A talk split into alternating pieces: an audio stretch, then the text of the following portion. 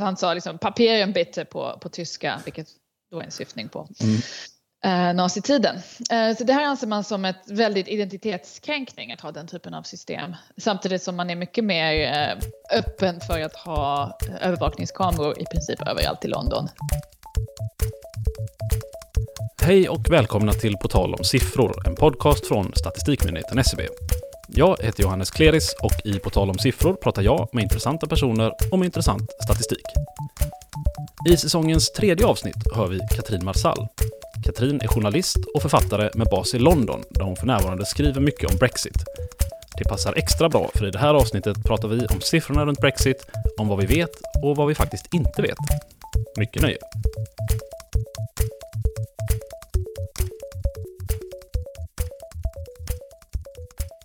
Välkommen eh, Katrin Marsall. Så mycket. Du är med oss från London. Hur är läget där idag?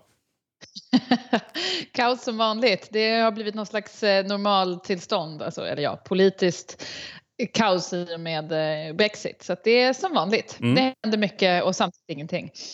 Hur mycket av din vakna tid går åt till att tänka, prata och skriva om Brexit för närvarande?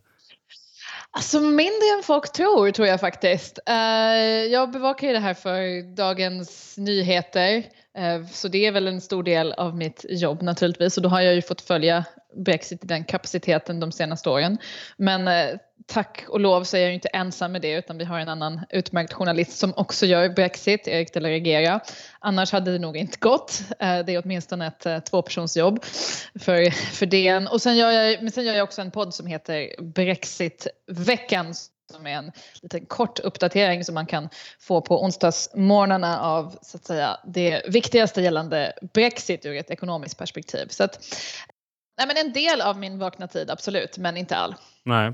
Då, jag ska väl lägga till det också i full transparens här att när vi spelar in så har inte Brexit ägt rum ännu. Men beroende på när man lyssnar så kan det ju mycket väl ha ägt rum. Vem vet? Det beroende på när, när Brexit blir. Ja men precis. Vad, hur nyfiken är du på verkligheten på andra sidan Brexit? jo men absolut. Det är ju den stora frågan egentligen som eh, diskuteras mycket men mest utifrån, alltså här är det så extremt polariserat i Storbritannien så att vad folk tror ska hända efter Brexit hänger i princip till 100% ihop med vad de liksom, så att säga, röstade i folkomröstningen 2016. Um, ehm, men det är klart att det är intressant att fundera kring vad som verkligen kommer att hända och det kommer väl någonstans bli någonstans mitt emellan. Mm. Det är intressant att du säger det, det här med polariseringen. I, I december förra året så var jag i London för att bevaka en, en av alla omröstningar i parlamentet som, som rörde Brexit. Just den sköts upp. Så jag fick ägna min tid åt att prata med folk på gatan istället, den klassiska eh, reportagevarianten. Och jag upplevde då att nästan alla jag pratade med var otroligt trötta på hela grejen, oavsett om de var för eller emot. De ville liksom bara få det gjort. Hur, hur upplever du det idag? Jo, det är det man hör från väldigt mycket folk och det är ju vad premiärminister Boris Johnson i hög grad har Um, lägg, han lägger sina ägg i den korgen helt enkelt. Han hoppas att, att folk bara vill få det här över och att de därför uh, är beredda att gå på hans linje gällande Brexit som då har varit hela hösten att uh, we, we need to get Brexit done. Så den sloganen kommer ju rakt ur fokusgrupper som de har gjort där de också har hört det som du hörde på gatan och som jag och andra journalister här hör hela tiden. Mm. Och det är en intressant blandning av att å ena sidan den här extrema polariseringen där eh, det finns ju undersökningar på det när folk, folk får frågan om kan du tänka dig att gå på dejt med någon som röstar på ett annat politiskt parti och det kan folk tänka sig men eh, i mycket mindre grad är man beredd att gå på dejt med någon som har motsatt uppfattning gällande Brexit för att den här frågan har blivit en sån identitetsmarkör på så många sätt. Så att å ena sidan är det väldigt låsta positioner och polarisering och det är mycket demonstrationer i London. Å andra sidan så just vanligt folk är väldigt trötta och man är framförallt ganska trötta på alla de här turerna i parlamentet som, ja men helt ärligt, det är väldigt få som begriper allt det där. Och jag tror att man uppfattar att den här väldigt långa förhandlingen med EU har varit något av en nationell förödmjukelse och den känslan vill man inte stanna kvar i utan man, man vill gå vidare. Så det, det är dubbelt på det sättet. Men mm. det är förstås det som är intressant med, med attityder, att, att just, ja, folk kan ha många, många olika samtidigt de här demonstrationerna, hur stora är de egentligen? Jag, jag upplevde det som att det, var, det såg ut att vara ungefär samma människor som samlades där utanför parlamentet med sina yep. skyltar varje yep. dag. I en yep. stad med så många invånare som London så kanske det inte är så representativt, tänker jag. nej, nej, absolut. Sen har det ju varit väldigt stora demonstrationer tidigare eh, som har samlat mycket, mycket folk. Så är det, så är det absolut. Um, som jag, jag kommer inte ihåg om de är på nivå, på nivå med med Irakkrigsdemonstrationerna, men de var ju definitivt stora. Men det här vanliga att det står folk utanför parlamentet, det är ju eh, i hög grad, precis som du säger, samma, samma typer. Mm. Du, ibland tänker jag att Brexit mest består av en massa, massa siffror. Det är datum, det är valresultat, det är opinionsundersökningar, det är ekonomiska rapporter, det är kalkyler. Samtidigt har du beskrivit den brittiska EU-debatten som rätt befriad från fakta. hur, hur går det ihop? Ja, alltså datumen finns det väl, eller nej, jag tänkte säga det finns åtminstone enighet kring datumen, men det gör det inte heller. Um, jo, men den, alltså, framförallt var den ju ganska faktabefriad innan folkomröstningen 2016. Um, ehm, så att säga kunskapen om EU och vad EU gjorde och hur EU fungerade var väldigt låg, inte bara i väljarkåren utan, utan även skulle jag nog säga, och det är många som är beredda att hålla med, bland politiker och den så att säga eh, journalister och så vidare. Mycket EU-myter, mycket liksom, ganska ibland knasiga föreställningar om hur det hela fungerade. Och sen bara de här rena faktakunskaperna. Vad är skillnaden mellan Europeiska rådet och EU-kommissionen och vad gör parlamentet? Något som ändå vi svenskar har väl någon slags vag uppfattning om skulle jag ändå säga. Eh, men det fanns inte riktigt här på, på samma sätt. Men sen har de ju under brexitförhandlingarna faktiskt verkligen lärt sig allt om liksom skillnaden mellan tullunion och EUs gemensamma marknad. Så det har varit en kunskapsresa för, för britterna och mm. även för den politiska klassen. Det har det definitivt varit. Samtidigt är ju sanningen att det är, ju, det är ingen som vet vad som väntar efter Brexit vad gäller ekonomi och, och, och allt sånt. Så det enda man kan räkna ut är väl egentligen hur det ser ut idag. Ja, precis. Nej, nu syftar jag ju på vad de, hur de visste, alltså inför förhandlingen och vad man trodde att EU var och liksom mm. även skulle jag säga Alltså det som har visat sig under brexitförhandlingarna är ju kanske det här att, skulle i alla fall jag säga, att Storbritannien är mer beroende handelsmässigt av resten av EU än vad Storbritannien kanske tänkte sig. Uh, och de siffrorna har ju funnits där tidigare men man har kanske inte riktigt tagit in dem. Mm. Eller du håller inte med om det? Jo, säkert. Jag, det, du är bäst lämpad att svara på, helt klart. Uh, jag tänker mest att jag har tittat på det från ett svenskt perspektiv och givetvis är det ju så att Storbritannien är ju viktigare för Sverige än vad Sverige är för Storbritannien. Men vi får ju på SMB väldigt många frågor. Hur kommer det gå med det här? Hur kommer det gå med det här? Och vi har ju nästan inga svar. Vi kan ju svara på hur det ser ut idag. Liksom. Till exempel handeln. Mm. Det går ju inte att säga någonting om hur den kommer att bli efter Brexit. Vår, vår enhet som jobbar med de frågorna sliter ju stenhårt inför Brexit för att kunna ha statistik från dag ett när det väl inträffar. Men de kan ju inte säga om hur det kommer bli. De kan ju bara säga så här ser det ut idag.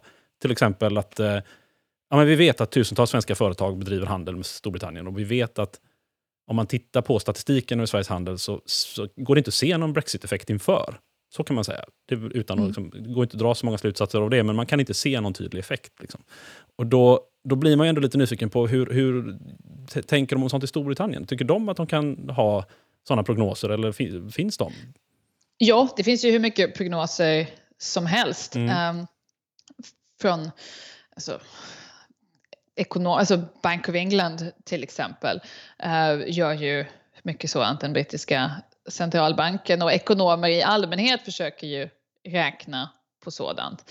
Men det är klart att det är väldigt svårt att prognostisera och så fort de där prognoserna kommer ut i media, liksom, Bank of England har en siffra i en rapport om att liksom huspriserna kommer falla i med 30 procent i London, tror jag det var, mm. Eh, efter, vid en hård avtalslös Brexit. Och då blåses det upp i tidningarna av, av journalister här och sen ifrågasätts det omedelbart naturligtvis för att, och det tror jag mycket beror på att det var väldigt mycket prognoser som kom innan Storbritannien röstade för att lämna EU, vilket var då i, i juni 2016, som i princip pekade på att liksom, så fort britterna röstar, om man skulle rösta för Brexit så kommer liksom allt, alla ekonomiska indikatorer falla.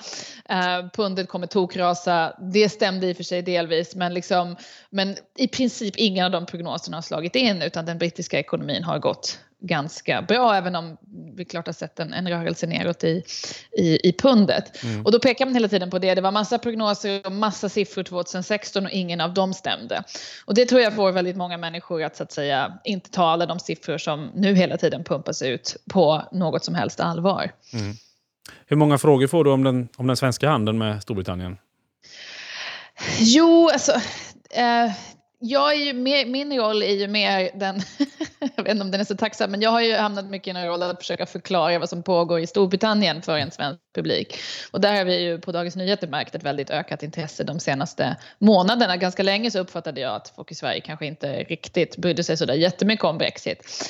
Men de senaste månaderna så har det varit ett väldigt sug över att liksom förstå den här processen och vad är det egentligen som pågår i det här parlamentet och varför är drottningen indragen och varför gör de så här och jag tror att många svenskar hade en bild av att britterna var på ett visst sätt och sen så nu gör man någonting som man uppfattar som ganska irrationellt och konstigt. Och jag har ju mer hamnat i någon slags roll, eftersom jag har bott här ändå ganska länge, eh, att försöka förklara för en svensk publik vad, eh, vad, vad, vad som pågår här. Mm. Så jag tror inte att jag får så mycket frågor om den, den svenska handeln eh, med Storbritannien. Men jag vet ju att Svenska handelskammaren här mm. sitter ju på det väldigt mycket och ambassaden. Och de har ju också svårt att, precis som, som SCB e naturligtvis, vad händer sen? Det är ingen som kan svara på det. Nej, att jag frågar är för att jag vill leda in oss lite på, på några faktabitar här. Det, det är ju trots allt så att Storbritannien är Sveriges näst största handelspartner i, i tjänstehandeln. Ska jag säga. Det är både på import och export. Och den har ju stigit flera år och pekar uppåt. Så att vad som händer efter Brexit är ju i allra högsta grad en svensk angelägenhet också. Det, ibland kan man tycka att det kanske försvinner lite i den svenska debatten. Det handlar så himla mycket om vad som händer i det brittiska parlamentet och vad Boris Johnson gör och så vidare. Så att det, jag vill väl leda in oss lite på det, för även i handeln med varor så är Storbritannien högt upp. Eh, på femte plats tror jag vad gäller importen till Sverige. Eh, och sjunde för export. Så att säga. Så det, det är ju någonting som vi kommer, förmodligen, kan man väl anta, kommer märka av i Sverige. Eller vad tror du? Mm. Jo, nej absolut. Uh, och där finns det ju igen prognoser man kan liksom titta på. Uh, men det är ju väldigt, väldigt svårt igen för att man vet ju inte, det är ju också liksom, ingen vet riktigt vad en dels vet man i alla fall nu när du och jag har det här samtalet inte vilken typ av Brexit det blir men även när man vet det så är det ju, får man ju reaktioner på det både hos liksom, konsumenter i Storbritannien och på finansmarknaderna som i sin tur kommer påverka eh, skeendet. Men även vad Storbritannien i det läget liksom, och resten av EU politiskt väljer att göra. Sluter man en massa mindre avtal på olika områden för att göra det här, den här transitionen enklare? Vad gör Storbritannien med tullarna som man plötsligt måste samla in? Alltså allt det där påverkar åt vilket håll det kommer gå.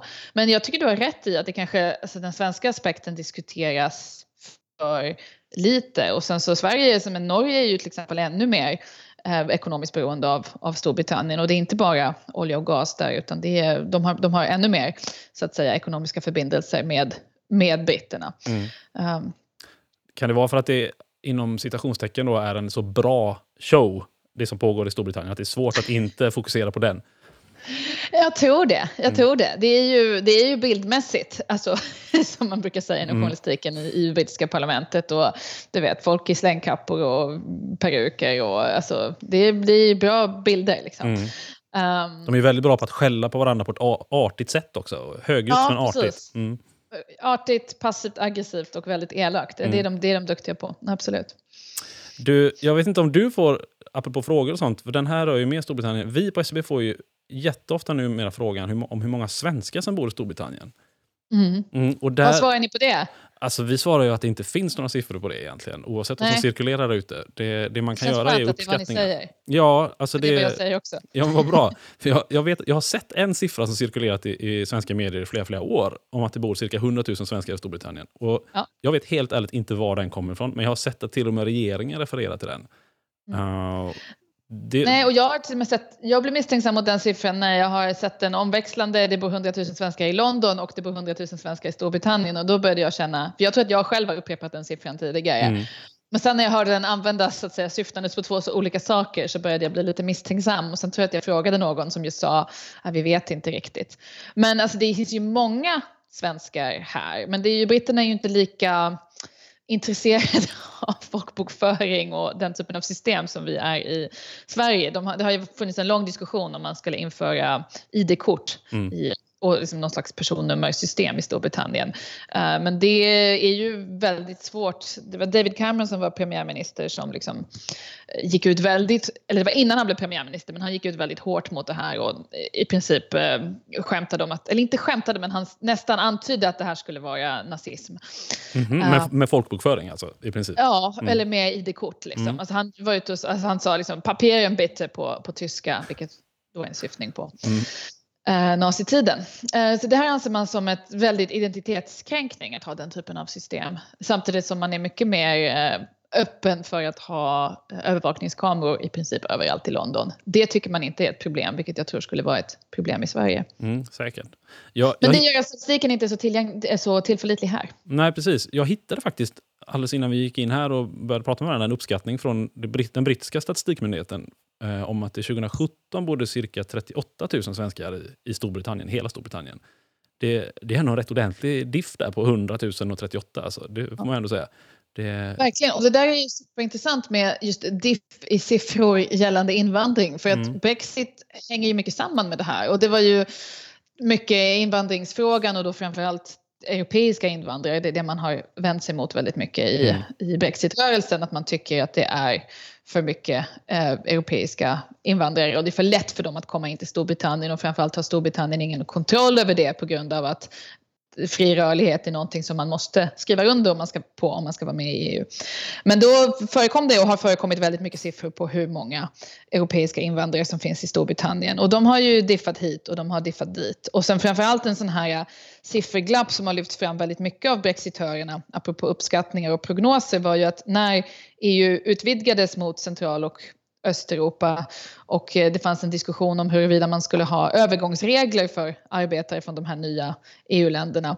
Då släppte Tony Blairs regering, eller de gjorde en, en, prognos och en rapport där de uppskattade att de trodde att ungefär 17 000 arbetare skulle komma från EUs nya medlemsländer.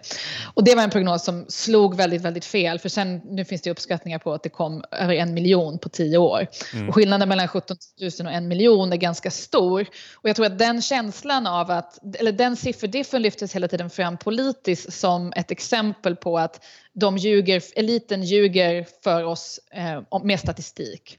Vilket skapade en väldig känsla av att man inte kan lita på siffror som kommer från eliten, vilket i sin tur bidrog till Brexit-folkomröstningen. Det är ju jätteallvarligt. Då, då kan man ju egentligen inte lansera någonting som är faktabaserat om, om det kommer bli magreaktionen från folk. Liksom.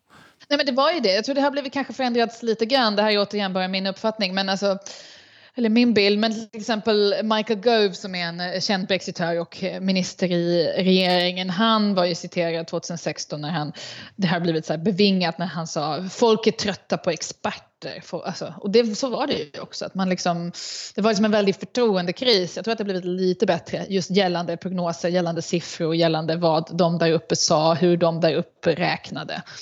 Mm. Så det är viktigt. Vi kan ju som sagt inte se hur många svenskar som bor i Storbritannien, men vi kan faktiskt se hur många som flyttar dit från Sverige varje år. Via folkbokföringen då. Men sen vad som händer efteråt vet vi ju inte, så folk kan flytta därifrån och så vidare. Men under 2018 så var Storbritannien det tredje vanligaste landet, eller staten, att utvandra till från Sverige. Det, och man kan också se att antalet personer som flyttat från Sverige dit har minskat något åren efter omröstningen. Samtidigt som antalet britter som flyttar till Sverige har ökat. Det, hur tror du att det kommer bli framöver efter, efter Brexit? Åt båda håll tänker ja, jag.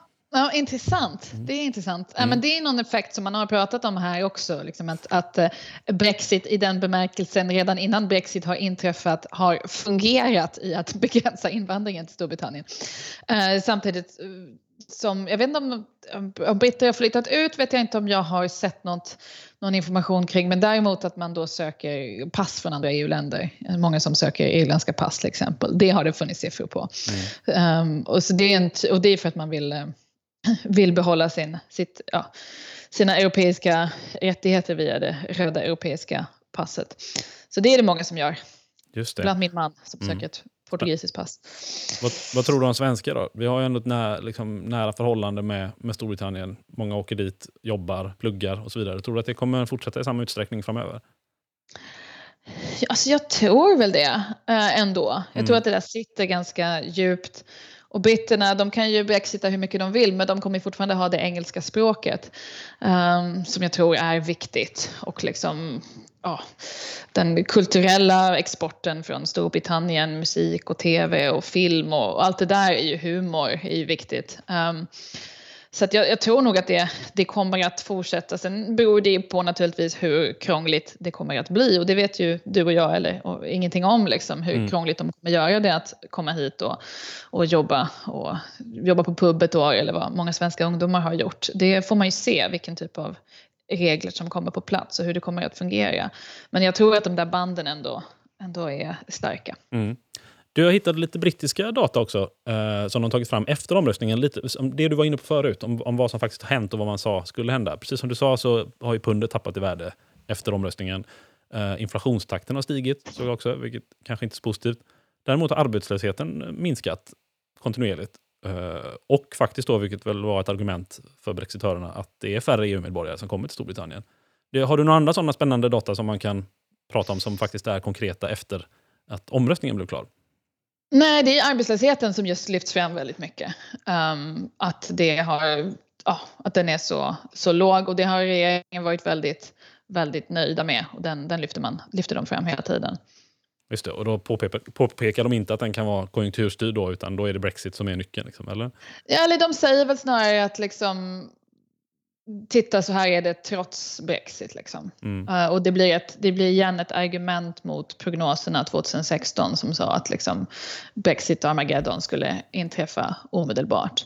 Uh, och de som argumenterar emot säger okej, okay, vi hade fel, eller väldigt många hade fel då, men Brexit har ju faktiskt inte hänt. Vi får vänta på effekterna när Brexit verkligen sker. Mm. Jag läste en intressant artikel igår om, om unga kvinnors relation till Brexit. Att det var mm Eh, I gruppen 18-24-åringar så var det 80 som röstade mot Brexit. Och att det finns tecken på att det kanske är en grupp som kommer att eh, missgynnas också framöver om Storbritannien lämnar EU, eller när, ska man kanske säga. Det, är det en debatt som förs också, eller är det något som mest pratas om i skymundan? Nej, alltså det har ju kommit mycket den här typen av alltså, det släpps rapporter. Du vet, grupp X kommer missgynnas mest av Brexit. Grupp Y kommer missgynnas mest av Brexit. Um, jag, känner, jag känner mig alltid ganska skeptisk till dem för att vi vet ju inte vad Brexit är. Alltså hur kan man då veta eh, vem som kommer gynnas och inte gynnas, alltså så specifikt. Däremot, alltså, gällande kvinnor och män så har, det inte, har man inte pratat sådär jättemycket om den skillnaden, även om det, det finns en, en, en viss skillnad där. Men den stora skillnaden gällande attityder till Brexit har ju att göra med, och det är ju den siffran du lyfter fram också ett tecken på, alltså det är ju det här generationsglappet, att just unga väljare tenderar att vara väldigt, väldigt mot Brexit, medan äldre väljare tenderar att, eh, att vara för. Och det är det som i hög grad har satt de brittiska partierna i den svåra sits som de är just nu, liksom när både de, ett politiskt parti vill både attrahera unga väljare men samtidigt samtidigt måste behålla gamla väljare eftersom, eller äldre väljare eftersom äldre tenderar att rösta i högre grad i ett val. Och där har man ju den här splittringen både inom Labour och de konservativa som partiledningen har svårt att hantera. Ja, precis. Hur ska man göra framöver? Om, om det är de gamla som primärt har röstat ut Storbritannien ur EU, om några år kommer de inte att leva längre såklart. Och kvar finns en generation som vill stanna i EU. Vad kommer hända då? Ja, nej, det, har ju, det där har ju lyfts fram. Liksom. Um, men, eh, och då säger ju de som är emot Brexit att liksom, vi kan inte bara förlita oss på demografin. Liksom. Um, utan eh, ja, eh, för Brexit kommer bli en katastrof ändå, menar de. Liksom. Eller den kommer bli en katastrof och det, vi har liksom inte tid att vänta på att opinionen förändras på grund av att folk går bort. Um, men alltså vi vet ju inte. Alltså det, det, är klart att Storbritannien skulle, om man lämnar, skulle kunna, skulle kunna bli EU-medlemmar igen. Jag vet ju kanske inte hur, hur pigga resten av EU är på det efter att ha varit med på hela den här långa brexit-dansen som inte har varit så rolig. Um, men det är klart att det skulle, det skulle vara möjligt eller att man hittar en, en närmare relation så, så småningom. Jag tänker kanske lite på, snarare än att man ska titta på demografin när, när man um och kopplat till opinionen. Så den, jag tänker att finns det någon debatt kring de äldres ansvar gentemot de yngre? Att faktiskt lyssna på vad de yngre vill. Om man mm. lite morbid jo, säger att ja, ni kommer inte vara kvar, va? det spelar väl ingen roll i princip. Ja, det säger man. Det mm. säger man. det säger man, allt sägs här. Mm. Det är högt, högt tonläge mm. på ett sätt som vi inte är vana vid i Sverige. Um, men det, det, det, biter inte då med andra ord alltså? Nej, det biter inte. Nej, men det, visst har det funnits en sån diskussion också, framförallt direkt efter folkomröstningen. Liksom. Um, att, och då säger de äldre liksom ofta, ja men ni kunde ju röstat till de yngre och det är väl en fair point. Mm. Hur ser opinionen ut idag förresten? Ja du, det, alltså, det kommer väldigt mycket mätningar. Um, opinionsmätningar här, och det kanske du kan svara på bättre, men det är ju um, de har ju de senaste åren inte gjort så bra ifrån sig i att så att säga förutsäga valresultat i alla fall. Um, så att, um, men alltså, den stora bilden är att det har inte hänt så där väldigt mycket egentligen sedan 2016. Jag möts ju ofta av en bild i Sverige där man nästan utgår från att nu måste en majoritet av britterna vara mot Brexit på grund av liksom allt som har hänt, den politiska kalabaliken och svårigheterna man har haft det, det senaste ett och ett halvt året. Men så är det ju inte, utan det är ett land som i ganska hög grad är delat på mitten. Och det finns ju de som kräver en andra folkomröstning, men det finns ju en, en, liksom en väldigt eh, stor risk att den, en sån folkomröstning bara skulle leda till ett liknande resultat igen. Mm. Um, så det har ju inte, det har inte rört sig liksom på något sätt som i alla fall eh, jag skulle våga som journalist säga är liksom signifikant, att man vågar säga så här är det. Eller? Just det. Uh, om jag inte minns helt galet så var det väl så att direkt efter omröstningen, mer eller mindre, så gjorde man en grej på att det var väldigt många i Storbritannien som googlade någonting i stil med vad är EU? Och så gjorde, ja, man, så gjorde man sig lustig över det, att ja, det var ju så dags i princip. Ja. Men Sen ja. tycker jag efteråt, jag läste någonstans att ja, fast det var ju väldigt googlat även före omröstningen.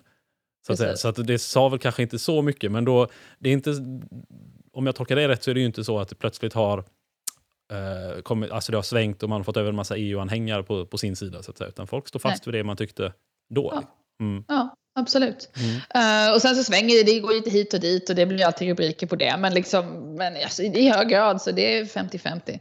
Mm. um, Ja. Mm. Du, om man tom... det, och det är intressant att liksom allt har ändrats i Storbritannien de senaste två åren utom i grund och botten opinionen. Mm. Uh, en annan aspekt som jag tycker är intressant är alltså vi svenskar älskar ju information. Vi vill gärna hänvisa till att vi har, inte har fått någon information när någonting går galet. och sådär. Jag, jag har inte fått någon information, säger man. Jag, hur är informationen till medborgaren i Storbritannien? Ja, regeringen har ju lanserat en jättelik eh, annonskampanj um, och info, inf, annons och informationskampanj. Mm. Uh, Get ready for Brexit. Um, så att uh, man har ju fått information. Uh, den är väl kanske inte superkonkret. Jag tror att den är väl mer konkret eller för, liksom, för företag kanske än för privatpersoner. Så att det är ju Um, men jag skulle inte säga att det är någon slags svensk, har varit någon slags svensk stämning av att vi har inte fått information vad som händer i november. Um, när man då tror att Brexit ska ske i alla fall. Kanske. Vi vet ingenting.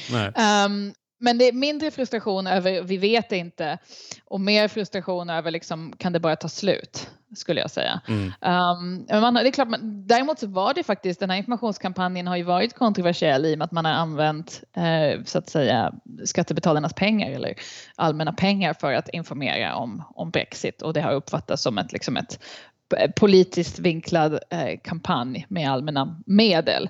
Och likadant var det liksom när eh, regeringen, David Camerons regering 2016 gjorde en, en informationskampanj inför folkomröstningen eh, om Brexit. Eh, då kom samma anklagelser där. På, var, varför uppfattas den så? Vad är det, vad är det de säger de som klagar? Det, material, det materialet uppfattades vara emot Brexit och var då finansierat med skattebetalarnas pengar. Var det genom att man påpekade vilka negativa konsekvenser det kommer ja, få? Mm. Okej, okay. ja. Fast ja, det är klart, man, det är som vi varit inne på, man kan väl inte vara säker antar jag. Så att det, de kanske fick lite Nej. rätt då, eller? Vad ska man, jag vet inte, vad kan man säga om det? Oh, det var länge sedan jag tittade på det vad som stod i det där. Uh, så jag vet faktiskt inte. Däremot så fick ju uh, den regeringen kritik, eller Finansdepartementet fick ju kritik för att liksom ha släppt ut uh, beräkningar som uppfattades som skrämselpropaganda inför folkomröstningen. Uh, vilket jag tror också igen, eh, och det, vilket jag tror ändå också faktiskt var att de, de ville skrämmas uh, och kanske så att säga vred på saker åt det hållet. Och många av dem har ju då inte inträffat på grund av att det inte blev en så stor effekt av, av så att säga omröstningens, uh, resultatet i omröstningen på ekonomin. och det har så att säga minskat förtroendet för det här liksom officiella. Jag tror vi svenskar tror ju väldigt mycket, alltså om vi får ett papper med du vet, Finansdepartementet Finansdepartementets logga på eller, eller en, ja, uppgifter från en auktoritet så litar vi på det kanske i högre grad än vad, än vad britterna gör. Mm. Vad, vad tror du att, eh, nu det här är en väldigt öppen fråga, men vad tror du att britterna är mest rädda att förlora oavsett om de är för eller emot Brexit? Med just Brexit. Ja, alltså jag tror igen tyvärr så det, det, är så väldigt svårt att svara på någon fråga som liksom vad tycker alla britter om det här eller hur ser alla britter på det här eftersom Storbritannien är så hyggligt delat i brexitörer och anti-brexitörer. Mm. Så jag tror att det där är också en fråga som man faktiskt måste specifikt svara på utifrån vad folk faktiskt tycker om, om Brexit. Görs, um, görs det inte sådana undersökningar då? Om till exempel man kollar bland anti, eller man kollar bland brexitörer, vad är du mest rädd att förlora? Eh, med Brexit. För även om man är för Brexit så kan man ju... Ja, det är inte, jag har faktiskt inte sett det. Det, det, det kanske är gjort. Uh, det får man kolla, jag vet inte om ONS har gjort det. Uh, det är onekligen väldigt intressant. Um, sen så de som är mot Brexit, då är det ju alltså det är ju, det är ju konkreta, det beror ju, konkreta rättigheter. Liksom. Men det är återigen, det beror ju mycket på, mycket på vilken, vilken grupp. Uh, du har ju olika intressen där om du är liksom en britt brittisk pensionär bosatt i Spanien en, en väldigt stor grupp. De är ju livrädda för hur det ska bli med deras sjukvård. Liksom. Och för unga människor då gissar jag att det kan handla mycket om liksom, resa utomlands, den typen av liksom, fri, fri rörlighet. Eh, företagen är ju väldigt rädda för eh, vad som ska hända med arbetskraftsinvandringen, framförallt servicesektorn som är, som är väldigt stor, som är beroende av arbetskraftsinvandring från, från resten av, av EU. Um, ehm, så att jag tror det där, ja men det vore intressant. Sen tror jag att liksom Brexit generellt väldigt mycket handlar om identitet och det är kanske svårt att, att hitta i en, i, en, i en mätning. Men det är ju, jag tror att jag skulle vilja gissa på att det finns tydliga aspekter av liksom att man är rädd för att förlora en, en europeisk identitet samtidigt som då de som är för Brexit har varit väldigt rädda för att förlora någon slags brittisk identitet och Storbritannien som stormakt. Då. För i hög grad handlar det om den typen av ganska fluffiga saker vilket, vilket gör hela debatten, eller fluffiga men för människor väldigt viktiga aspekter. Och det gör det hela väldigt svårt att beskriva med siffror tror jag. Även om det flyger runt siffror här hela tiden, precis som du, som du säger, när det just handlar om den här typen av ja, svårbeskrivliga djupa ting. För att annars kan man ju inte förklara varför. Det är klart det är en stor sak och en stor fråga om ett land ska vara med i EU eller inte. Men annars kan du inte, du kan inte riktigt förklara de enorma känslor som har väckts av det här eh, med bara det utan det måste ju vara i människors psyke kopplat till andra saker. Och då tror jag det handlar mycket om just nationell identitet. Vad är Storbritannien? Vilka är vi? Vad är vår roll i världen och så vidare. Ja, du var inne på det i en text i DN nyligen. Jag tyckte det var jätteintressant. Det, det stod att, eller du skrev att eh, bland britterna med utomeuropeiskt ursprung så var det fler som var mot Brexit, vilket man kanske inte hade trott i förväg. Man hade trott att de skulle vara mer öppna mot omvärlden så att säga. Vad, finns det några hårda siffror där på eh, vad gäller ursprung och hur man röstade? Och, och... Nej, eh, eh, jag letade väldigt mycket på hårda siffror inför den här artikeln. Um, det var väldigt svårt att hitta. Uh, så vad jag liksom till slut hittade och tittade på eh, relativt detaljerat i alla fall är ju liksom um, för det stämmer ju som du säger att folk med bakgrund i, i framförallt södra Asien, Indien, Pakistan, det är stora minoritetsgrupper med den typen av bakgrund uh, var mycket tyder på att de Eh, röstade för Brexit i mycket högre grad än man trodde. Och det är med exempelvis om du tittar på västra London som ändå är ganska liksom, medelklass, välbärgad medelklassområden som eftersom de är välbärgade och i London och medelklass därför var väldigt, väldigt mot Brexit så sticker liksom den, de minoritetsgrupperna ut och de är i, i eh, mycket, mycket högre grad för Brexit, till exempel i, i västra London. Och du har också liksom många städer med en, en eh, med stora, med alltså, där de minoriteterna är tvåsiffriga eller mer som i princip nästan alla röstade för Brexit. Och sen finns det andra studier på det här. Men det, det är intressant. Um, och det är ju, jag tror att jag skrev i den artikeln, liksom att man att de som var mot Brexit, de appellerade i kampanjen på, till britternas europeiska identitet. Men på grund av Storbritanniens koloniala förflutna så har du stora invandrargrupper som inte har någon europeisk identitet. Uh, och sen fanns det också en diskussion kring liksom om, om utomeuropeiska invandrare på grund av EU var missgynnade eh, jämfört med europeiska invandrare. Så att det var liksom lite invandrargrupper mot, ställdes mot varandra. Just det. Och det kan ha funkat då med andra ord för de som var för Brexit. Mm. Så om man sammanfattar lite så är det så att eh, en person med indiskt ursprung kanske ser sig själv som britt och indier snarare än då britt och EU-medborgare eller britt och europé. Ja, ja, precis. Ja, det är spännande. Det är, det är ju rätt långt från den verkligheten vi lever i i Sverige, så det, det kan ju vara svårt att ta till sig, tänker jag här. Mm. Mm. Du, jag var faktiskt precis inne på den brittiska statens informationssida för britter som bor i Sverige. Mm. Och den var väl inte supermatig om man ska vara ärlig. Det var mycket, mycket tips av typen kolla ditt pass och följ den brittiska ambassaden ja. på Facebook och kom till ja. informationsmöten. Um, ja. ja. Har du koll på hur det blir för dig som svensk i Storbritannien efteråt? Så långt som det går att ha koll. Ja, jag har ju skaffat mig ett nytt pass. För det har de tipsat om att man ska ha ett pass som har en lång giltighetstid. Eh, det har jag löst. Sen har jag ju Sen så kommer jag behöva, och det kanske jag borde ha gjort redan, men jag har inte gjort det, um, ansökt om så kallad settled status, alltså uppehållstillstånd i mm. Storbritannien. Vilket jag utgår från att de kommer ge mig eftersom jag har varit här i sju år och är gift med en brittisk medborgare och eh, äger ett hus och har barn som är brittiska medborgare. Så det hoppas jag ska fungera helt enkelt. Men jag har inte gjort ansökningen än. Um, och sen så, ja, så nej, men jag vet inte. Jag vet ju att den svenska ambassaden här i London är ju i den väldigt frustrerande situationen där de blir nedringda och påhälsade av eh, ja, vi vet ju inte hur många de här svenskarna i Storbritannien är, men det oklara antalet svenskar i Storbritannien som alla vill veta vad de ska göra och vad som händer. Och ambassaden vet som alla andra ganska lite, i alla fall i nuläget. Utan att veta hur det funkar i Storbritannien så låter det som att du har rätt goda förutsättningar för att bli brittisk medborgare om du skulle vilja. Är det något som folk gör nu i större utsträckning? Springer och söker brittiskt medborgarskap? Det borde jag ha en siffra på. Det har jag ingen siffra på. Um, det borde det definitivt eh, det borde ju vara så kan man tycka. Det är ganska dyrt att bli brittisk medborgare. Jag tror det kostar tusen pund. Uh, vilket är väl kanske, Oj, det, låter, ja ja. det låter lite hårt men jag, det är väl, jag har väl personligen känt att det finns roligare saker att lägga tusen pund på. Um, men det är något som man kanske behöver omvärdera och sen är det ett uh, test som du måste ta. Uh, så det är ganska hög tröskel in i det brittiska uh, medborgar, medborgarskapet. Däremot så där det finns siffror på det är ju exempelvis att liksom folk försöker bli irländska medborgare. Uh, för det är många här i Storbritannien med rötter på Irland och uh, då är det klart att det är trevligt och bekvämt om man kan ha ett irländskt pass efter Brexit och därmed då ha ett EU-pass. Just det. Jag tror att du indirekt har svarat på min nästa fråga egentligen. Stannar du kvar i Storbritannien efter Brexit? ja, absolut.